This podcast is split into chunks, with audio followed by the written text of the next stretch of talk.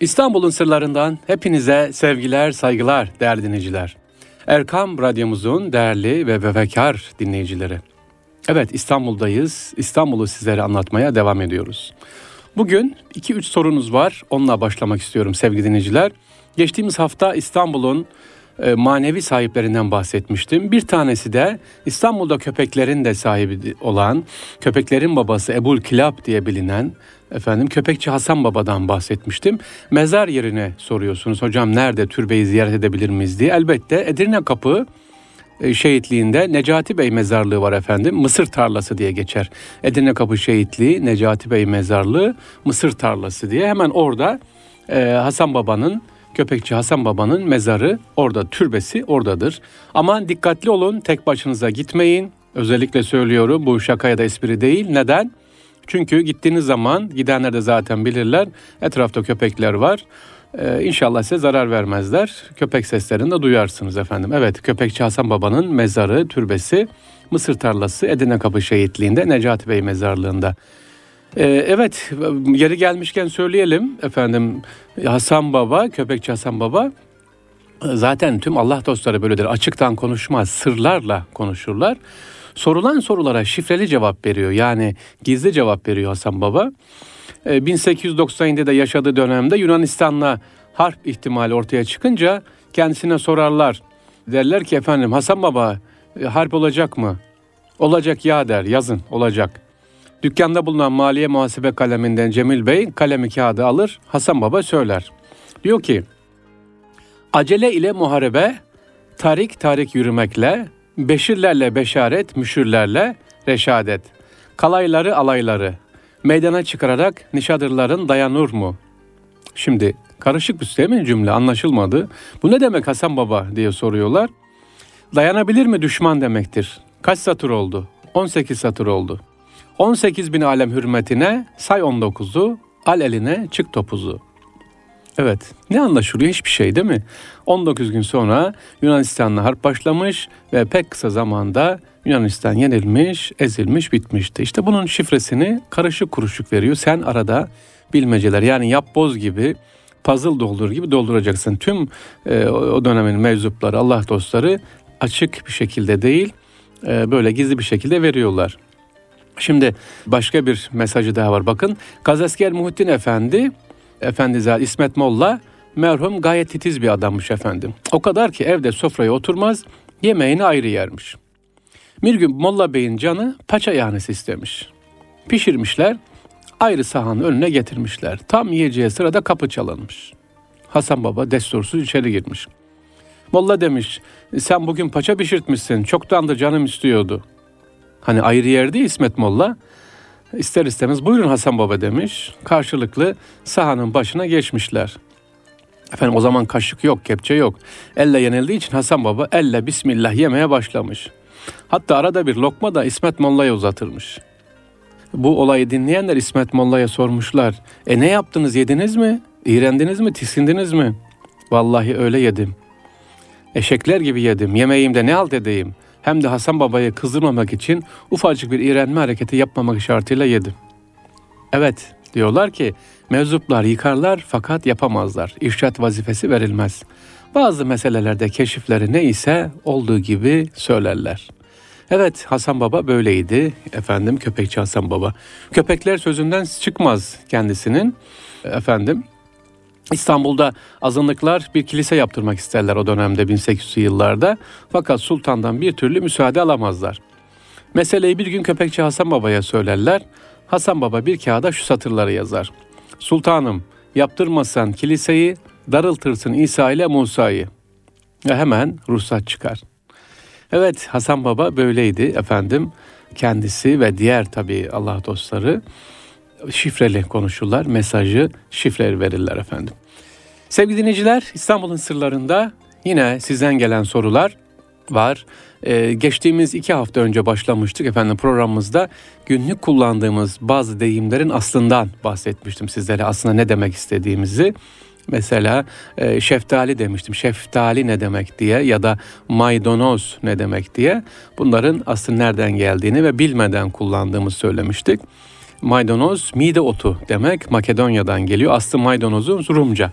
Efendim şeftali ise eski Türklerde e, şeftali, şef erik demek efendim. Tali de gibi erik gibi eriye benzer manasını. Onun için şeftali kullanıyoruz demiştim. Şimdi e, bugün yine kısa bir bölümümüz var bununla ilgili. Efendim onlardan bahsedelim. Acaba günlük kullanımda İstanbul'da kullandığımız bazı kelimeleri nasıl kullanıyormuşuz biz? Mesela büyük annelerimiz, babalarımız bilirler karne, karne günleri vardı ya. Ekmeğin karneyle dağıtıldığı günler. Karne ne demek? Ya da okul karnesini aldı diyoruz mesela. Karne efendim Fransızca defter anlamına gelen karnet kelimesinden Latince dört demek olan quatur sözcüğüne kadar gider. Yani dört yüzlü defter demek karne. Ya karnenin de sayfaları çok değil mi öyle? 1, 2, 3, 4 yapraklı ya. Demek ki karnet dediğimiz zaman e, ne manaya geliyor? Efendim dört yüzlü defter manasına geliyormuş. Bir de canavar kelimesi var. Canavar diyoruz ya, canavar onu canavar kaptı. Canavarlar diye söylüyoruz. Farsça can aslında ruh demektir. Evet can dediğimiz zaman ruh. Aver ise canavar diyoruz ya aver ise getirmek anlamındaki aver fiilinden canaver yani canavar olmuş. Can getiren yani can ve ruh taşıyan varlık demek canavar. Sonradan ucube yaratık anlamına gelmiş efendim. Can aver, can taşıyan demek. Ee, anladın neydi? Kurtlara canavar değil, canavar kaptı. Canavar yedi. Yani ruh aldı götürdü manasına kullanılıyormuş canavar kelimesi. Sevgili dinleyiciler. Evet canavarı dinledik, karneyi dinledik. Bir de paçaya geldik. Paça. Paça ne demek? Paça çorbası var. İşte paçası yemez. Argo tabir var. Paça Farsça ayak anlamındaki pa ve küçültme eki çe ile birlikte paçeden paça olmuş efendim. Ayak bildiğimiz ayak. Ayak çorbasına paça diyoruz ya. Bana bir ayak çorbası getir denmiyor. Paça çorbası deniyor. Paça demek ne demekmiş? Paçası ayak manasına geliyor efendim. Paçayı anladık. Bir de sevgili dinleyiciler mintan var. Ya eskiden mintan derdik biz. Bana iki tane mintan ver. Sonra neye döndü? Gömleğe döndü. Gömlek alalım. Gömlekçi dükkanı. Hiç mintancı dükkanı diye var mı görüyor musunuz? Gömleklerimiz diye var. Gömlek fiyatı var. Tişört oldu. T-shirt. Ama eskiden ne diyorduk biz? Mintan. Mintan Farsça yarım anlamındaki nim ve ten birleşimi yarım beden demek. Vücudun bir kısmını örttüğü için gömlekten ziyade kollu yelek anlamında alınırsa tam manasıyla uyuşuyor. Kısa ceket demek efendim. Evet. Ee, şimdi e, bir kelime daha var. Sınıf kelimesi var. Sınıf. Arapça bölüm demek. Sınıf. Kategori anlamında. Okulda dersliklerin bölündüğü için sınıf deniyor ama aynı kökten bir kelime kullanıyoruz. Esnaf. Esnaf dediğimiz zaman ne anlıyoruz? Küçük esnaf deniyor. Yani yaptıkları işte öyle göre sınıflara ayrılan ticaret meslek erbabı demek esnaf. Sen hangi esnafsın? Tüccar, e, terzi esnafından. Sen kalaycı esnafı. Sınıflara ayrılmış olan efendim ne diyoruz biz? Meslek erbabı diyoruz. Bir de künefe var. Künefeyi biliyor muyuz? Yediğiniz güzel bir yiyecek değil mi? Künefe tatlı. Efendim Arapça sarmak, kucaklamak anlamındaki kenefe fiilinden aslı künafedir. Bizdeki künefeye dönmüş, kadayıf telleri peyniri sarıp sarmaladığından ne yapmış? Bu isimle almış. Künefe, sarmak, sarmalamak. Bir de alkış var efendim kullanıyoruz, alkışladık.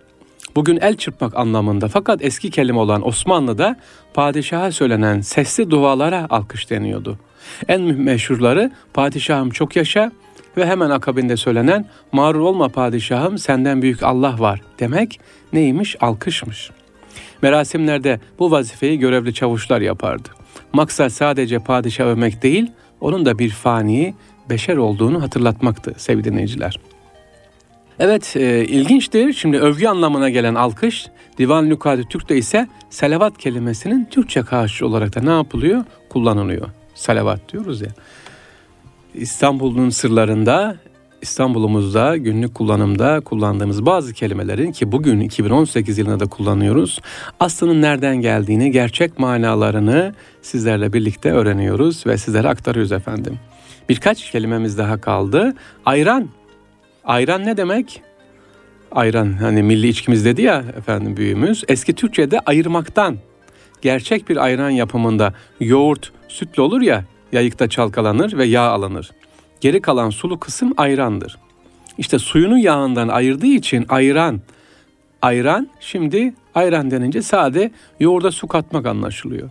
Eskiden neymiş demek ki yoğurt e, çalkalanıyor, yağ alınıyor. Oradan kalan suya ayran deniyormuş. Esas ayran o sevgili dinleyiciler. Bir de müşkil pesent kelimesi var. Çok müşkil pesent. Müşkil pesent. Arapça zor anlamındaki müşkil ve Farsça beğenen anlamındaki pesent birleşiyor. Müşkül pesent. Yani zor beğenen demek efendim. E, şimdi geldik günümüzde kullanılıyor böyle bazı liderler de söylüyorlar konuşmalarda anti parantez diyorlar. Anti parantez diye bir cümle bir kelime tabir yok sevgili dinleyiciler. Fransızca entrer parantez var yani parantez içinde demek. Laf arasında anlamlarında. Ant parantez diye bir cümle söylediğimiz zaman ne yok efendim? Anti parantez, ters parantez dışı gibi. Hayır, parantez içinde demek efendim. Anti parantez artık herhalde kullanmıyoruz değil mi? Şimdi bir de simit kelimesi var. Simit. Arapça samit, ince bulgur veya irmikten alıntıdır efendim.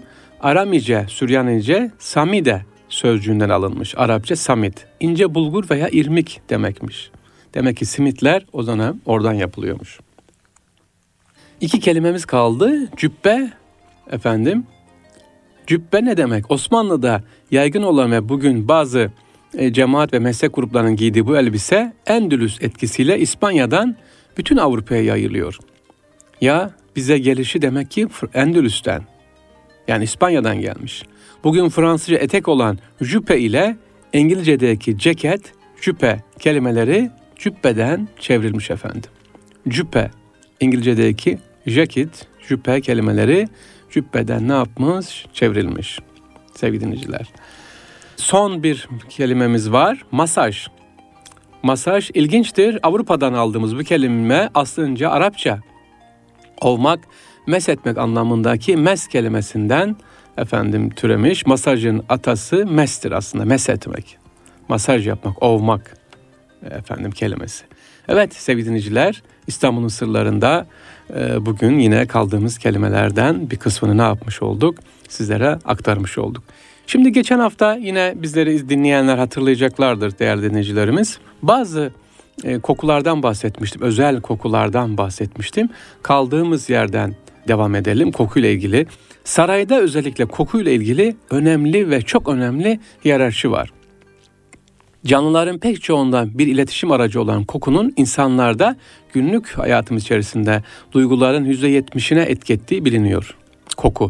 İnanç konusunda da önemli bir yere sahip. Mesela koku esperi Bihter Türkan Ergül hanımefendi Peygamber Efendimizin sallallahu aleyhi ve sellem Efendimizin sünneti olan kokunun es- esasında tüm dinlerde önemli bir yeri olduğunu belirterek diyor ki insan nefes de direkt Rahman'a bağlı olduğu için beynimizin ilkel bölümüne hükmedebildiğinden dolayı ayrı bir yeri var. Koku bu yönüyle önemlidir deniyor efendim. Ee, koku hakkında araştırmalar yaparken Osmanlı'da hayatın bir sanat olduğunu öğrendim diyor hanımefendi. Günlük hayatta kahve fincanların yanına küçük zarflar içerisinde amber, kakule gibi rahiyalı baharatlar koyarlarmış. Niye koyarlarmış? Bakın kahvenin yanına sadece lokum değil, kokular da koyuyor. Amber, kakule gibi. Ee, sebebi ne? O içerken zevk ili selim ile içmek için. Yani içmek için, içmek için değil, zevk-i selim ile, huzur ile içilsin diye demek ki e, kahvenin yanına güzel kokular konuyormuş efendim. Doğal gül suyunun Osmanlı mutfağında pek çok yemekte ve tatlıda kullanıldığında da ne yapıyor? Sevgili Ergül hanımefendi işaret ediyor. Tam bir şifa kaynağı gül suyu. Gül suyunun başka bir özelliği de detoks etkisine sahip efendim. İçildiğinde ertesi gün vücuttan gül kokusu yayıldığını ifade ediyor. Aa, gül suyu da ne yapılıyor? İçilebiliyormuş. İçtiğiniz zaman ama temiz gül suyu böyle içtiğiniz zaman sevgili dinleyiciler e, vücutta gül rahiyası yayılıyormuş. Eskiden annemiz babamız ne yapardı efendim? Gülü toplardık, şişeye korduk, içerisine ne yapardık efendim? e, biraz limon tuzu atardı. Güneşi pencere kenarlarına koyduk. O kıpkırmızı suyunu salar gönderirdi. İşte o su içildiği zaman vücudumuz ne yapıyor? Ne güzel e, gül kokuyor. Osmanlı'da şifahanelerde ve saray mutfağında efendim tonlarca gül suyu kullanılıyormuş efendim. Peygamberimizin sallallahu aleyhi ve sellem size ikram edilen üç şeyi reddetmeyiniz. Koku, süt, minder sözünü e, hatırlatıyor bize. E, Ergün Hanım Efendi diyor ki Osmanlı günlük hayatında devlet erkanında hiyerarşide kokunun da çok önemli olduğunu söylüyor. Cariyelerin kullandığı kokuların farklı olduğunu ve her bir cariyenin de kokusu farklı. Böyle bir koku birleşikliği. Valide Sultan'ın kullandığı kokuyu ona hizmet eden cariyeleri kullanamazdı. Veya bir kadın efendinin kullandığı kokuyu cariyesinin kullanması ona karşı bir saygısızlık olarak algılanıyordu.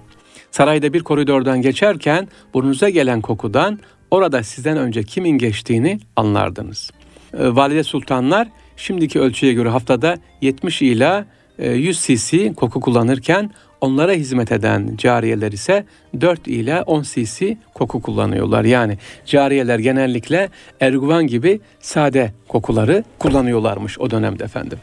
Peki Osmanlı sultanları, padişahlar her cumaat üzerinde kendisine eşlik eden bir aileyle birlikte camilere giderler, büyük camilere.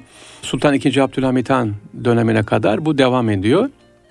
İkinci Abdülhamit Han'ın 1876 yılında Cuma selamlığına at arabasıyla çıkmasından itibaren bu törenler için saltanat arabaları kullanılmaya başlanmış ve özellikle e, ikinci Abdülhamit Han Cuma selamlığına giderken avuç içerisine sürdüğü koku önemli. Kokunun özelliği nedir? Hafif bir gül kokusu ve arkasın amber. Kokunun koklayana göre değişen efendim aynı şekilde mesajları var farklı farklı. Peygamber Aleyhisselatü Vesselam'ın sünneti biliyorsunuz koku. Ya kokuyu avuç içine sürmenin bir gelenek olduğunu söylüyor. E, Peygamberimizin kullandığı koyu e, fıtratlı dediğimiz amber misk kokularını önce avuç içine sonra sırasıyla sakalına, saçına efendim sonra takkesine e, ne yaparmış? Sarığına sürermiş Efendimiz Aleyhisselam. Sünnet olduğu için Osmanlı padişahları da bu şekilde uygularlarmış. Yani önce avuç içine sonra sakalına, saçına ve e, sarığına sürerlermiş. Evet sevgili dinleyiciler Osmanlı'da kokuyu anlatıyoruz. Ee, özellikle sarayda kullanılan kokuların özellikleri. Ee, Osmanlı arşivinden çıkarılan belgeye baktığımız zaman amber, misk, sedir, sandal, gül yağı ve gül sularının formüle edilmesiyle hazırlanmış özel bir koku. Yaklaşık 7-8 tane kokunun birleşiminden bir ne yapılıyor? Koku üretiliyor efendim. Fatih Sultan Mehmet misk ve amberi tercih edermiş. Abdülhamit Han mimozayı severmiş. Osmanlı hanedan arasında Fatih Sultan Mehmet'in gül, misk ve amber kokularını, yine Kanuni Süleyman'ın çiçek kokularını, yanı sıra odunsu kokuları kullandığı da e, kaynaklarımızdan biliniyor efendim. Efendim bir arada bir şey hemen hatırlatalım. Abdülhamit Han, evet Sultan Abdülhamit Han'ın bu topraklara kolonyayı ilk kez getiren Ahmet Faruki markasına destek verdiği bilgisini de ne yapıyor? E, kaynaklarımız bize söylüyor. Ahmet Fariki Almanya'dan getirdiği kolonyayı Cihangir tarafında açtı. İlk mağazada satıyor. O güne kadar hep kokulu yağlar vardı Osmanlı topraklarında. Limon kolonyasını Abdülhamit Han da kullanmış efendim. E, o dönemde özellikle e, bir de Ramazan ayında oruçlu abdesti olarak hazırlanan bir koku var. Nedir o koku? Osmanlı'da kutsal emanetlerimiz bulunduğu duvarların silinmesinde kullanılan bir koku var. Bu önemli bir tören. Kadir Gecesi'nin önce başlar. İskay Şehadet dairesi temizlenecek. Neyle temizlenecek? Nasıl temizlenecek? Oruçlu ve abdestli olarak 12 kişi tarafından hazırlanıyor. Bugün de aynı şekilde hazırlanıyormuş efendim. Devam ediyor. Kullanılan kokular aynı şekilde e, hala günümüzde de kullanılıyor. Evet koku önemli dedik. Kokudan bahsettik sevgili dinleyiciler. Bizler de kullandığımız zaman özellikle hangi kokuyu ne için kullanacağız? Nasıl kullanacağız? Belli bir ne yapıyoruz? Edebi var, belli bir sırası var. Ona göre kullanacağız inşallah. Sevgili dinleyiciler, İstanbul'un sırlarındayız. İstanbul'un sırları devam ediyor. İstanbul'la ilgili bilmediklerimiz bakalım neler var.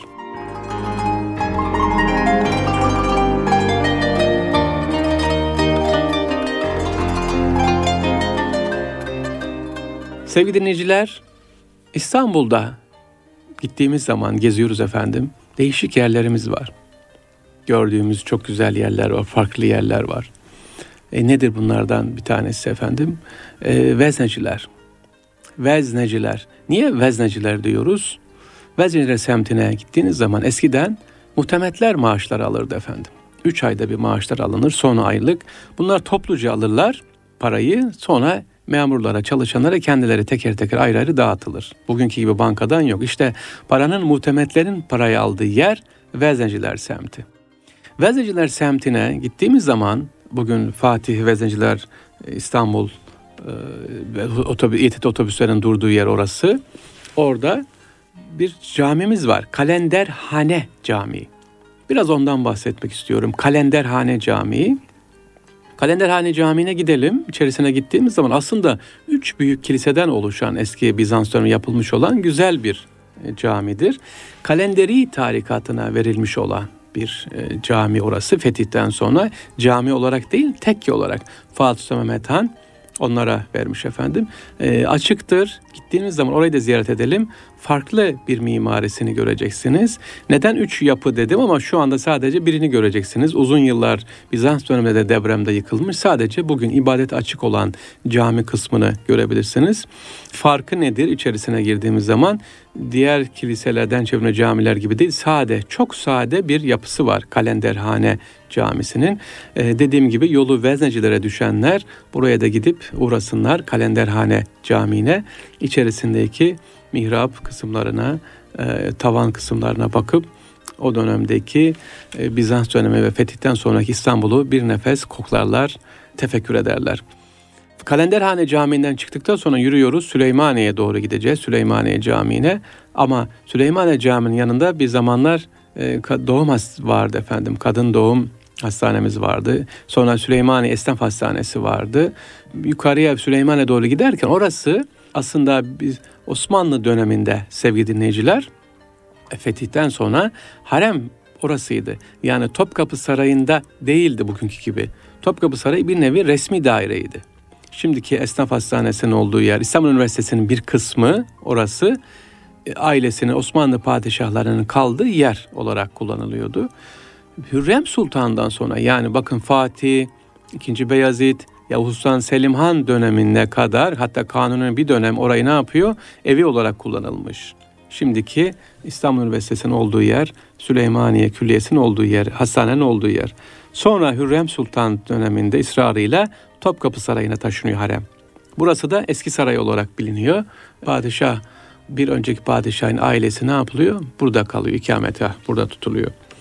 Ee, gittiğimiz zaman Süleymaniye gideceğiz. Efendim ön tarafına Süleymaniye'nin bugün e, bir çeşme vardır. Süleymaniye Camii'nin önünde bir çeşme var. Ama bu çeşme diğerlerinden biraz farklıdır sevgili dinleyiciler. Özelliğine çeşmemizin tek bir tane bir yönünden su akıyor olmasıdır.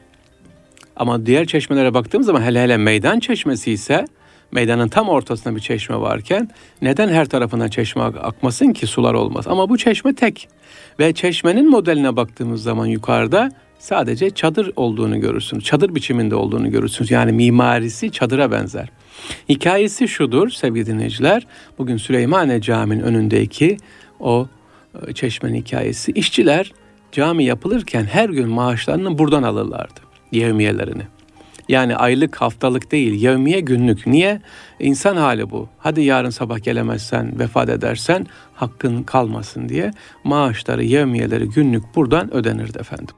İşte cami bittikten sonra işçiler dediler ki ya e, cami güzel bitti bizim de bir hatıramız olsun diye e, bu çadır çeşmesini ya da hesap çeşmesini e, Mimar Sinan o hatıra olarak ne yaptı? Yaptı efendim.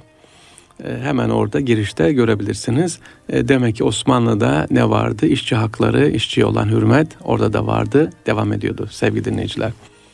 Evet e, İstanbul'un her anı, her tarafı farklı farklı. Süleymaniye Camii'ne daha girmiyoruz ama sol tarafımızda Darüz Ziyafe vardır. Darüz Ziyafe, ziyafet evi. Şimdi restoran olarak, lokanta olarak hizmetini devam ettiriyor ama o dönemde neydi? Efendim bir nevi aşevi görevini görüyordu ihtiyaçlı olanların gelip orada yemek yedikleri bir yer orası. İçine girdiğiniz zaman taştan büyük bir su eşyaların saklandığı şimdiki tabirle buzdolabını görebilirsiniz. Yine girişte sizi değirmen karşılar.